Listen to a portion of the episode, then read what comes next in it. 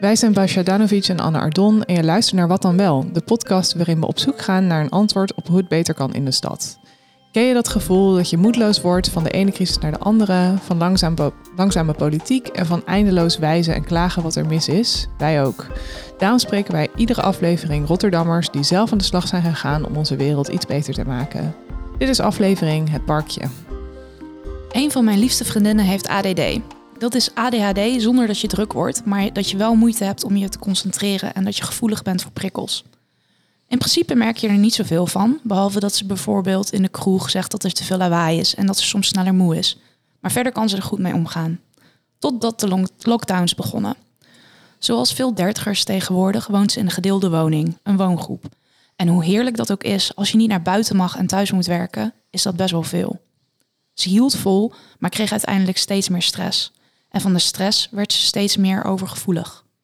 Op een gegeven moment kon ze de, geluiden van sluitende deuren, de fluitketel en de kerkklok niet meer verdragen en ze raakte overspannen. Dag en nacht had ze een noise cancelling headphone op, maar het lukte niet om de rust te vinden en haar batterij op te laden.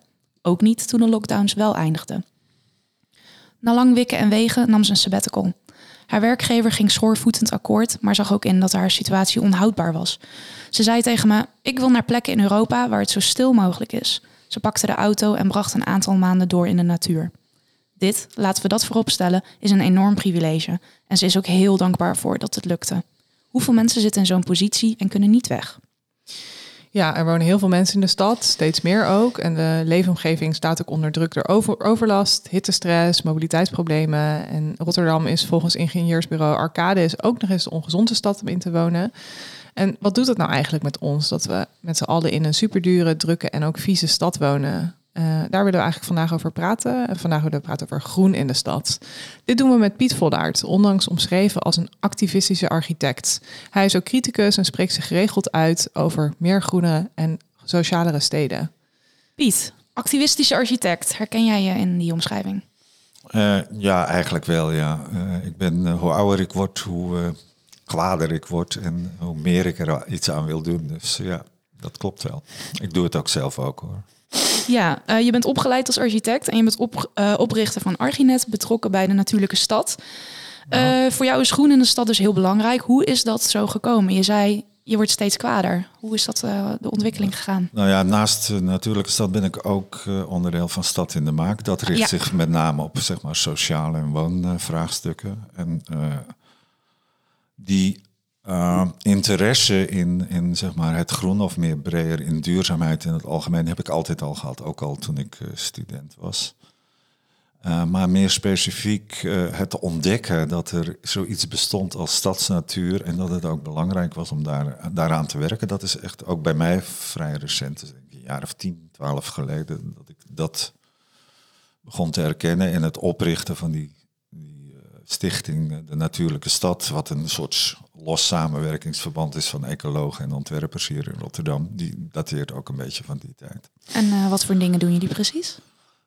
Um, nou ja, maar van achter naar voren, wat we, de meeste output op dit moment is zeg maar boeken schrijven. We hebben een boek, de uh, Stadsnatuur maken, geschreven. Uh, eigenlijk om onze collega's uh, te laten zien van de stad is ook een eh, natuurlijk systeem en daar kun je aan werken en daar moet je ook aan werken. Dat is echt uh, noodzakelijk. Hm. En we zijn nu bezig met een eh, soort tweede deel wat zich het meest richt op gebouwen zelf. Dus wat kun je op en aan de gebouwen nog bereiken. Maar we hebben ook zeker in het begin kleine projectjes in de wijken gedaan. Onze eigen wijk in Noord. En uh, gewoon om te kijken hoe het werkte, om zelf te leren wat het nou eigenlijk was. Want okay. eigenlijk, we wisten net zo goed als al onze collega-architecten twaalf jaar geleden van niks. Ja. En we hebben ons, het onszelf min of meer moeten aanleren, samen met uh, ecologen en biologen. En jullie zijn dus nu weer bezig uh, met bewustwording rondom ja. groene steden.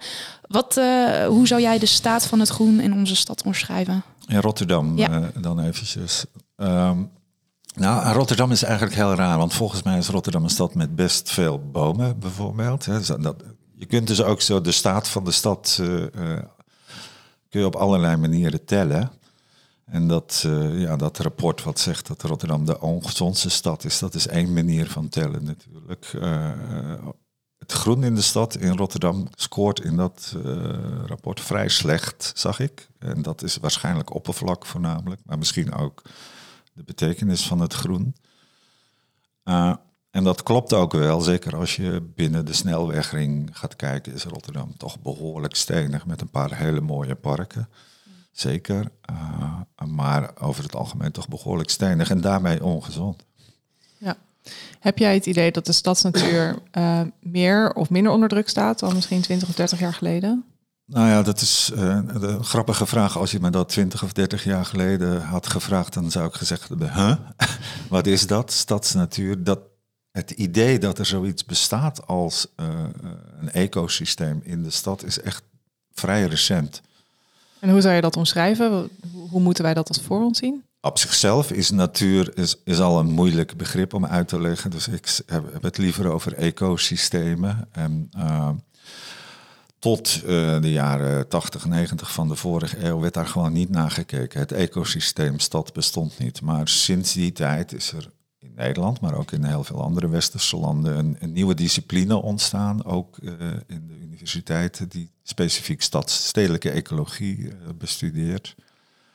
Ja, en dat is dan in het begin alleen nog maar tellen wat er is. En we zijn nog echt niet zo ver dat we het zodanig kennen en, om er iets mee te doen. Dus we zijn, iedereen is dan ook een beetje in het duister aan het tasten hoe het moet.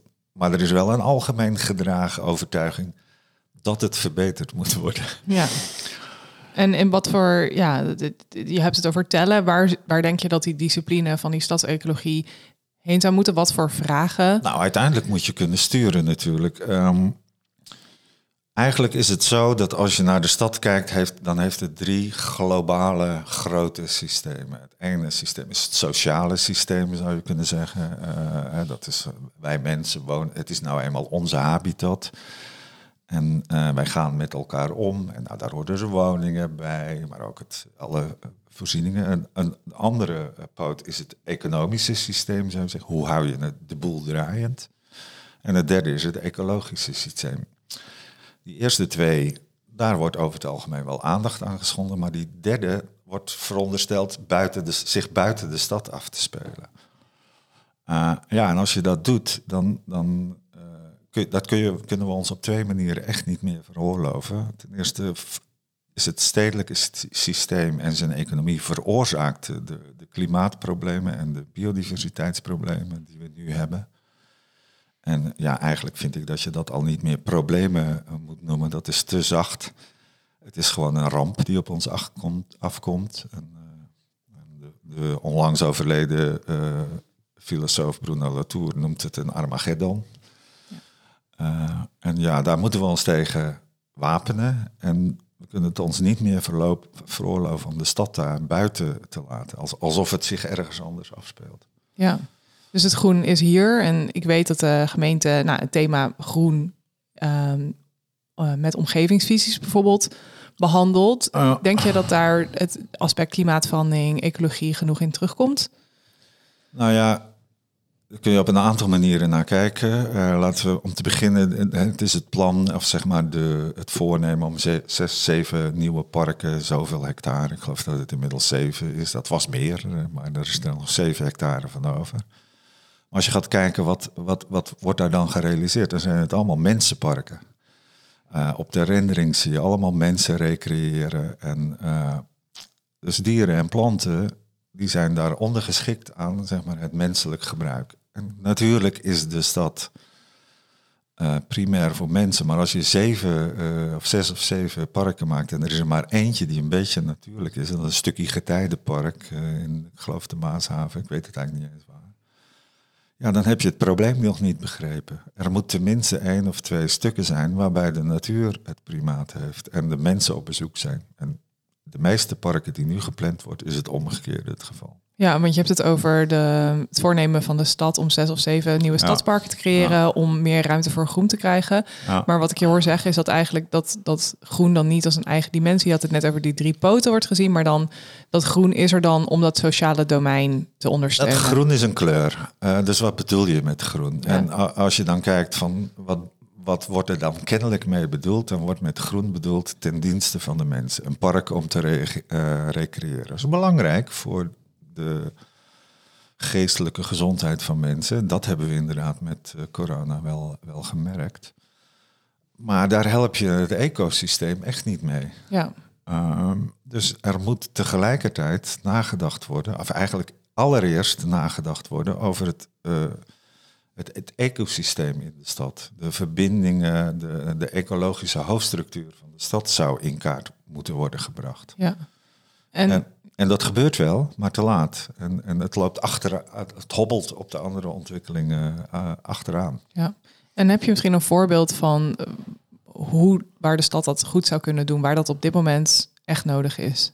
Nou ja, je zou gewoon een van de, je had kunnen beslissen om een, een van die uh, parken is een planten- en dierenpark in plaats van een mensenpark. Dat had een van die twee havenparken kunnen zijn. Uh, misschien ook gewoon een stuk.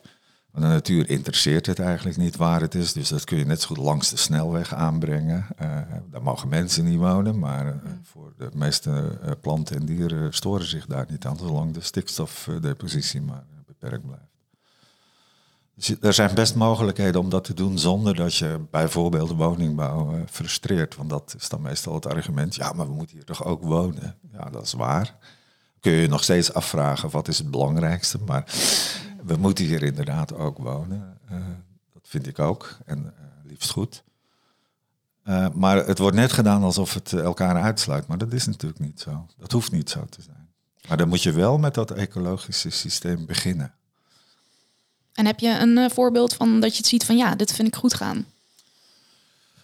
Nou, die getijdenparken, gek genoeg, die zijn wel daar voorbeelden van. Want daar kunnen, hebben mensen niks te zoeken. Want dan krijg je natte voeten en, enzovoort. Dus daar, maar die zijn, dat is betrekkelijk klein. En het is ook typisch Rotterdam. Dus eigenlijk vind ik dat een hele goede ontwikkeling. En wat mij betreft maak je alle oevers getijdenpark.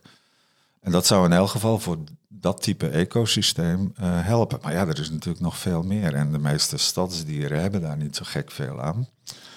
Maar we hebben ook andere water, de singles bijvoorbeeld. Ja, loop maar langs de singles van Rotterdam. Het is allemaal uh, geschoren gras. Dat ja. kan best verbeteren zonder dat de woningbouw uh, uh, of, of, de voorzieningen in de stad daaronder te lijden hebben. Dus dan bijvoorbeeld die, die oevers van die, van die singles, dat dat, dat ja, meer aan de natuur wordt overgelaten, dat misschien af en toe overstroomt, dat daar vogels kunnen gaan broeden. Dat, dat bedoel je met Als je daar uh, natuuroevers van maakt, of gewoon ook uh, wat meer heesters en struiken uh, plant, trouwens ook in de parken. Dat is ook eens iets raar. We hebben in de jaren negentig heel veel heesters en struiken uit onze parken weggekapt, omdat het sociaal onveilig zou zijn. Ja, dat, dat zal zo zijn, maar nu is het dus ecologisch onveilig geworden. En ja, dat is weer die prioriteit leggen bij het menselijk gebruik. Terwijl wij mensen onderdeel van de natuur zijn. Zonder die natuur overleven we niet. Die natuur die gaat zijn gang wel. Maar wij hebben onze uh, planeet, zijn we zo langzamerhand zo uh, uitgeput, dat wij zelf, de, de mensensoort Homo sapiens, is, uh, is in gevaar.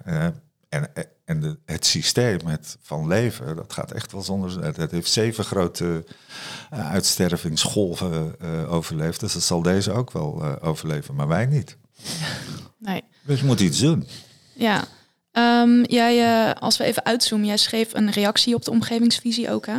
Ah. En ik hoor je het nu ook zeggen: um, ecologie moet het uitgangspunt worden. Ja, ik, ik, de. Um, ook uh, die drie dingen, dus uh, sociaal, uh, economisch en ecologisch, die heb, die, daar kun je van elk in, in termen van infrastructuur praten. Het, de stad voorziet gewoon in, in, een aantal dingen. Nou, die omgevingsvisie gaat helemaal uit van een groeiende economie en de rest is daar ondergeschikt ja. aan. mijn standpunt is dat, kun je, dat kunnen we ons niet meer veroorloven. Dat hebben we nu vijf eeuwen gedaan en uh, look where it got us. Uh, dus nu moet je, moet je echt even de ecologie als, als uitgangspunt nemen en de andere twee daaraan ongeschikt maken. En zeker de economie. En hoe zou de gemeente dat kunnen doen, praktisch? Nou ja, we hebben hier uh, een haven met, die helemaal drijft op fossiele industrie en, uh, en ook nog een keer op uh, containervervoer. Dat zijn alle twee uh, die tot de top 10 van dingen die we eigenlijk niet meer zouden moeten willen doen. En ja, hier denkt het gemeentebestuur dat, dat ze dat nog steeds kunnen faciliteren, dat dat nog steeds kan groeien. En dat heet dan goed, goede groei. Nou, goede groei. Duurzame groei? Ja, nee, maar dat bestaat dus niet meer. Het moet om te beginnen krimpen. En dat is ook gewoon geen, dat mag geen verrassing zijn, want overal uh, economen die zich met dit soort dingen bezighouden, die hebben het over degrowth, die hebben het over postgrowth. Die hebben allemaal zeggen, ja, nee, groei, dat kan even niet meer. Dus goede groei bestaat niet. Ja. Op zijn best heb je een soort steady state economie, waarbij je dat wat je hebt, uh, ja, zo goed mogelijk probeert uh, te vermengen met andere uitgangspunten. Heb jij een beetje het idee dat deze gedachte aan het, aan het landen is in, um, ja, in eigenlijk bij mensen die besluiten maken over. Ja, een kort antwoord nee. Oké, okay, dat is en, duidelijk. En dan hebben we het zowel over de landelijke politiek als uh, uh, eigenlijk zijn we constant bezig met symptoombestrijding, terwijl het werkelijke probleem niet aangepakt wordt. En in Rotterdam is natuurlijk al ja, heeft zijn bestaan te danken aan, aan de uitputting van de aarde. Zo kan je het bijna wel zeggen. Rotterdam is altijd een havenstad geweest. Alle, uh, en, en altijd ook olie uh, en vervoer als de twee uh, belangrijkste industrietakken.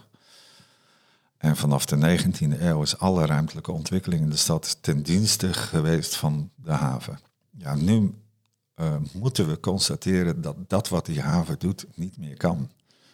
En die omschakeling, dat is natuurlijk geen uh, kattenpis. Dat doe je ook niet zomaar. Maar als je al, als je al niet beseft dat het echt anders moet, het dus echt niet gebeuren. Ja, en als de gemeente en de landelijke politiek daar dan ook niet in investeert en daar beleid voor maakt, dan. Uh, maar ja. Dan, dan, ja, dan wordt het moeilijk en dan blijf je dus, uh, om maar eens wat wat ik net zei, dat het eigenlijk alleen maar symptoombestrijding is wat we hier doen. Dat, dat kun je ook bijvoorbeeld zien. Waar is Rotterdam best goed in? Waar zijn ze ook actief in? Dat is in uh, klimaatadaptatie.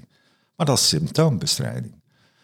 Dus we zijn bezig om op allerlei manieren de zeespiegelstijging, de rivierstijging, het regenwater, om dat, zoals dat heet, te mitigeren, te verzachten of, of te verhelpen. Maar aan het probleem doen we niks, want we blijven wel olie hier uh, uh, de wereld insturen en, en uit de wereld opgraven, of althans dat faciliteren. Mm-hmm. En we blijven containers over de wereld sturen met spullen die we eigenlijk helemaal niet nodig hebben. Nou, dat, dat is het. Dat is de oorzaak. Ja, ja en dat is natuurlijk ook een heel groot systematisch probleem. En, en nou. zijn er ook initiatieven die misschien kleiner zijn en die misschien, ja, het is natuurlijk die waar ja, zijn er initiatieven, misschien van bewoners of ondernemers of investeerders, die niet onderdeel zijn van die ja, overheid, die misschien wel een stap in de goede richting zetten? Nou ja, precies. Dat is dat wat dan nog hoopgevend is, is dat uh, hier in Rotterdam met name heel veel kleine bewonersinitiatieven zijn die met hun eigen straat, met hun eigen tuin, met hun eigen buurtparkje eigenlijk al proberen te doen wat er ook op, op de stedelijke schaal uh, zou moeten gebeuren. Dus dat is eh, echt heel goed. En sterker nog, ik heb zelfs het gevoel, ik kan geen voorbeelden geven, dat sommige bedrijven ook voorlopen op, uh, op wat de overheid van ze vraagt. Omdat ze begrijpen dat het, dat het anders moet. Het is echt de politiek die achterloopt. En, en, en de, het hele planningsapparaat, wat hier, zeker hier in de stad, maar ook in andere grote steden, zo gericht is geweest, eeuwenlang op economische groei en dat faciliteren. Om dat opeens om te schakelen is natuurlijk niet makkelijk. Nee. Maar stel je voor dat er nu een gemeenteambtenaar luistert. Wat is nou zo'n bewonersinitiatief waar jij echt blij van wordt en waarvan jij denkt, daar moet de gemeente meer mee doen? Uh, nou, iets wat, eh, wat wel, wel bekend is, Rotterdamse munt. Hè. Het is een strook uh, uh, langs de Rozerstraat, geloof ik, tegenover de Paperclip. Ja, dat is op Rotterdam-Zuid. Dat is op Rotterdam-Zuid. Die, die, mensen zijn best al lang bezig. is ook voor een deel door de gemeente gesteund. En daar gebeuren heel veel dingen van... ook natuurlijke dingen, maar ook mensen die een moestuintje hebben enzovoort. En dat bij elkaar, dat zou je eigenlijk... Elke wijk zou dat moeten hebben. Um, dus dat is gewoon dat groen eigenlijk, of ja, groen is een kleur, ja, maar dat, dat natuurlijke elementen. Daar wordt ecologisch getuineerd. Er zijn ook zeg maar stukken die gewoon hun gang mogen gaan natuurlijk. En er wordt ook wel aan getinkerd. Iets anders wat uh, echt uh, hoopgevend is het Essenburg Park. Uh, dat is eigenlijk een soort ketting van bewonersinitiatieven die zelf een park hebben gemaakt. Ja, als de overheid het dan niet doet, dan doen wij het wel. Dus ja, dat zijn echt wel dingen. En daarin is, is Rotterdam best wel goed. Maar ik denk dat dat komt omdat de overheid zelf niks doet. Ja. Als, als jij alles. Dus ja, je kunt dan zeggen dat is hoopgevend. Maar tegelijkertijd is het wel een teken van een falende overheid. Ja, en het is misschien ook meer dat inderdaad, ik weet Essenburgpark, dat onder andere is dat een parkeerplaats die niet echt meer gebruikt werd. En dat is nu een soort van ja, tuin geworden. Uh, uh, dus maar het is voornamelijk uh, het terrein van, van ProRail, van de NS, ja. wat, wat niet gebruikt ging worden en ook nooit gebruikt was. waarvan delen ook, omdat de NS het niet onderhield, ook puur bijna echt bos geworden zijn. En andere delen door de bewoners gemaakt zijn, de pluktuin en dat soort dingen. En nu zit er ook een wat groter wilde deel in, wat sinds een jaar of vier, vijf bij het uh, park hoort. Dus dat is echt een de omvang van een stadspark door bewoners uh, gemaakt. Ja, en dat is eigenlijk ook meer door, dan door het gedogen dan door het stimuleren van, uh, van de gemeente. Gekomen. Uiteindelijk wel, ja. Er is natuurlijk ook wel geld van de, van de gemeente ingegaan, maar alleen omdat de bewoners daarom smeekten. Ja. Uh, en, en, ja, en dan nog, dan kun je als bewoners, maar veel verder dan dat kun je niet gaan. Uh, en, uiteindelijk de grote stedelijke structuur, dus die structuur die in de omgevingsvisie vastgelegd wordt uh, voor 10, 15 jaar de toekomst in. Ja, daar kun je als bewoner natuurlijk niet zelf, je kunt niet de hele stad als bewoners op de schop nemen. Dat, dat is echt een, een politiek besluit en, dat, en een uitwerking van, van de dienst stedenbouw, die trouwens tegenwoordig concern stedenbouw heet. Ja, um, ik uh, ben even van mijn apropos. ja, nee, um, want... Uh, um... Ah, je moet het alle twee tegelijk doen. Hè? Ik, ik, je moet, ik vind vooral dat wij zelf, wij gewoon bewoners, heel veel kunnen doen. In onze eigen tuin, in onze eigen ja. straat. Maar dat alleen is niet genoeg. En nee. moet ook van bovenaf structuur in aangebracht worden. Anders gaat het niet werken. Nee, met uh, tegelwippen gaan we de oorlog niet winnen, denk ik. Nee. nee. Maar, um, Want ja. is meer bewustwording. En daarvoor is het heel goed en belangrijk. Ja. En het maakt de straat ook leuker en vrolijker, trouwens, vind ik. Uh, ja. Maar ja, dan gaan we de oorlog niet mee winnen. Nee, nee. Over leuke en uh, vrolijke straten gesproken. Het ecologische project De Vernieuwde Koolsingel. nou ja, dat is dus zo'n misser. Uh, ja. Daar zijn andere uh, uitgangspunten hebben toegeleid dat we daar uh, een, ja, een, steenwoestijn hebben aangelegd. Met platanen, ook al niet de meest ecologische boomsoort. Hoe komt dat? het is een exotische boom. Uh, hij komt eigenlijk uit het, uh, uit het Middellandse zeegebied en hij doet het hier wel heel goed. Dus het is uh, voor de meeste stedenbouwers vinden een topboom, want ja, hij gaat zelden dood en hij blijft altijd wel leven. Maar insecten, hier, inheemse insecten hebben er niks aan, want die zijn er niet aan gewend. En omdat er geen insecten in die bomen zitten, komen er ook geen vogels om die insecten te, zeg maar, als voedsel dienen. Dus die hebben wat voedsel betreft niet veel te zoeken. Ook niet wat betreft schuilen, want het is een boom met een nogal open bladstructuur. Dus je kunt er niet makkelijk in schuilen als vogel. Je zult er ook niet zomaar een nest in bouwen. Dus het, het, gevolg daarvan is dat die boom, dat is een boom met een stam en takken en bladeren, maar met heel weinig uh, uh, biodiversiteit. Zal er net goed plastic kerstbomen in ja, kunnen zetten? Ja, en, en eerste de beste eik heeft 700 zo, keer zoveel soorten in, in zijn boom dan, dan een plataan. Maar dat is tegelijk de aantrekkingskracht voor uh, veel mensen, hè, want er zitten geen vogels in, dus ze schijten niet onder de auto die eronder geparkeerd staat. Geen eikenprocessierups. Uh, je hebt geen eikenprocessierups. Ze hebben eigenlijk, ja, ze, ze, ze groeien uh, wel onder stress, maar ze blijven het wel doen. Dus topboom. Het is zelfs geloof ik een keer door de Rotterdamse boom genoemd. Ja. En als je dat doet, dan begrijp je dus echt helemaal niks van de ecologie en, ook niet van de stedelijke ecologie. Want je zou ook zelfs in zo'n straat, die toch echt een centrale verkeersader in Rotterdam is, zou je echt een ecologisch systeem kunnen maken. Hoe zie Nou ja, jij je dat nou voor? ja, je? kunt het in elk geval sterker maken. Dan, dan moet je ten eerste, wat nu ge- gebeurd is, nu is de trambaan in heel veel delen van Rotterdam is de trambaan groen. Het is weliswaar gras, maar het is groen. Eh, op de Koolsingel is dat niet het geval, want ja, de marathon. Hè, want één keer per jaar is daar de marathon en dan kunnen we geen grasstrook in het midden hebben. Waarom niet, ontgaat me volkomen, maar dat was het argument. Eh, die platanen, er staan al een hele hoop mooie oude platanen in op de koolsingel. Die moet je natuurlijk niet gaan kappen, dat zou ik ook eh, nooit doen. Maar de nieuwe bomen die erbij zet, kun je andere soorten nemen, zodat er tenminste wel eens een keer een vogel over de, eh, over de koolsingel zou kunnen vliegen. In plaats van alleen patatmeeuwen. Ja, die komen overal. Ja. Ah, ja, en duiven. En die eh, vindt het allemaal prima, want die leven niet van die boom, die leven van onze afvalbakken. En die staan er gelukkig weer volop. Eh, en dan, ja, het maaiveld, de straat zelf, is van, van gevel tot gevel bestraat. En dat is ook voor, het, voor de hittestress eh niet bepaald gunstig. Ook daarvoor zou je eigenlijk veel meer op moeten onttegelen. Dus terwijl eh, eh, mensen op het stadhuis eh, alle, alle bewoners oproepen om tegels uit de straat te halen, leggen ze ze er zelf voor hun eigen voordeur in. Ja.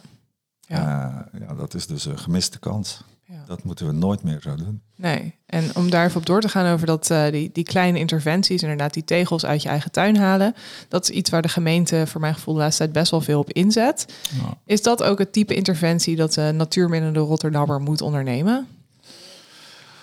Het hangt er vanaf waar je woont, hè? want so- so- soms kun je veel. eh, ehm, wat in veel beleid wordt vergeten, is het grootste groenoppervlak van elke stad zijn de privétuinen. Dus daar kunnen de meeste Rotterdammers, als een eigen tuin hebben, veel meer doen dan in die, die tegels voor de voordeur. Ga kijken in je eigen achtertuin wat je, wat je daar kunt doen. En het is, toch, het is nog leuk ook.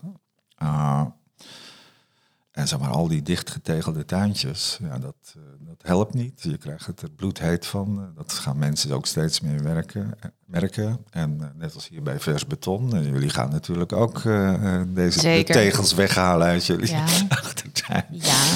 En dat, dat, is, dat, dat lijkt heel klein, maar dat heeft al veel meer effect dan een geveltuintje aan de voorzijde.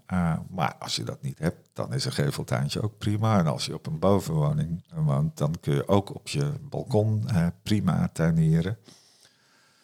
En ja, dat zal echt niet iedereen willen doen. En ik zou ook niet per se, eh, het moet geen verplichting worden. Maar het is eigenlijk veel leuker dan je denkt. En die eh, stap van, eh, nee, dat groen is niet lastig.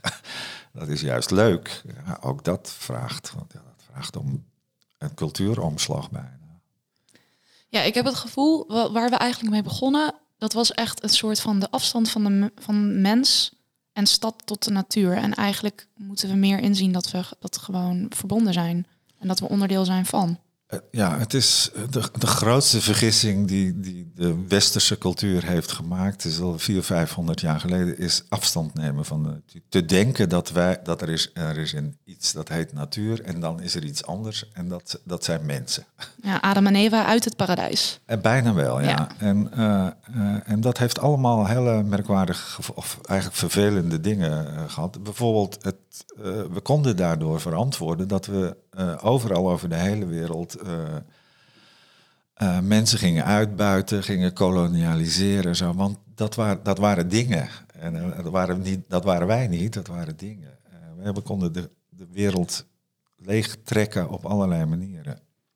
Maar het, het gevolg daarvan is dat we nu zelf eh, langzamerhand, eh, ja, dat we nu zelf in de problemen zijn geraakt. En om te beginnen moet je dus beseffen dat je als mens onderdeel van de natuur. Er is niet zoiets als natuur buiten mensen. Mensen zijn de natuur. En dat is best, dat is zelfs voor mij hè, heel moeilijk om dat steeds maar weer te blijven beseffen, want het heeft nogal wat consequenties.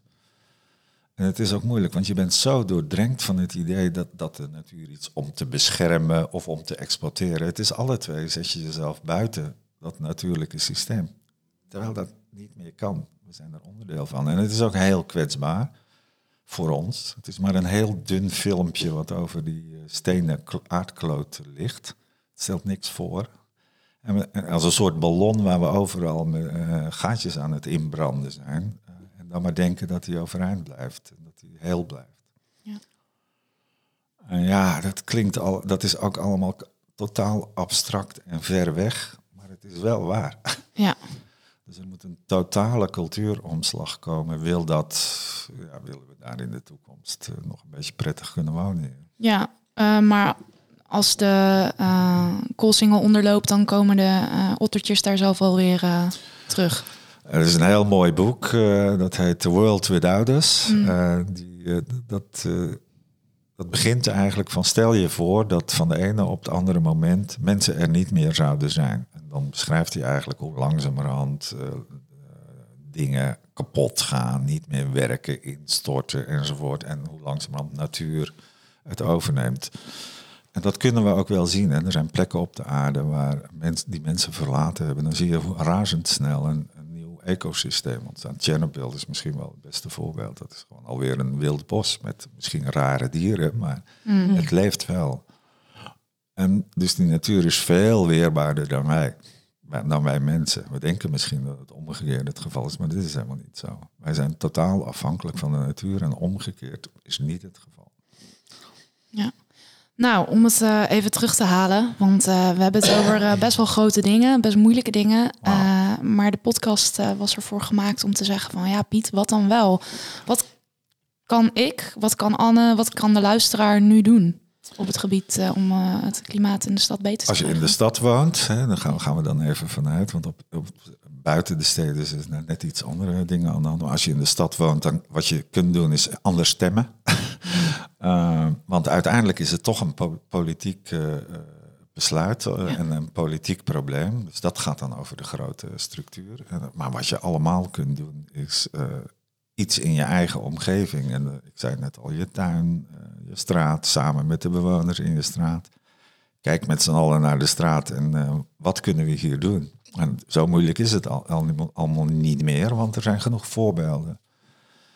En uh, op je eigen balkon enzovoort. En ik ga er niet vanuit dat iedereen dat gaat lopen doen, maar dat hoeft ook helemaal niet. Als er een kleine, laten we het voorhoede noemen, uh, zeg maar, het wel doet, dan trek je al snel het peloton wel mee. Je zult altijd uh, dan nog wat achterblijvers houden die het nooit uh, leuk of interessant of uh, de moeite waard zullen vinden. Maar dat is dan niet erg als de massa maar anders gaat denken over natuur in de stad. Ja. Dankjewel voor dit inzichtelijke verhaal, Piet. ik vind het eigenlijk ook wel heel interessant om te horen dat het, het weet je, dat, dat groen in je, op je balkon, in je tuin, in je straat, dat inderdaad een nuttige interventie is, maar ook ons helpt met nadenken en te beseffen dat wij onderdeel zijn van dit systeem. Oh. En dat als we dat niet doen, die natuur het uiteindelijk wel redt, maar dan zonder ons. Ja. Um, dus dat is, ja, dat uh, vind ik gewoon, uh, ja, vind ik super interessant. Dus dankjewel dat je dat uh, verhaal met ons wilde delen. Uh, dankjewel Piet. Deze podcast werd mede mogelijk gemaakt door Budplug Winterverlichting aan de Nieuwe Binnenweg. Redactie door Jasmijn Massini en Max Omlo. Sounddesign voor door Walvisnest. Fotografie Daphne van Drent. Ont ontwerp Johan de Haan. Productie en eindredactie van Eva Liuku. En tot slot. Vers Beton maakt onafhankelijke journalistieke producties, zoals deze podcast, dankzij de steun van onze leden. Word ook lid van Vers Beton voor een eerlijke en eigenzinnige stad. Dat kan al vanaf 7,50 per maand. Ga naar versbeton.nl slash word lid en kom ons helpen tegelwippen uit de tuin. Doei!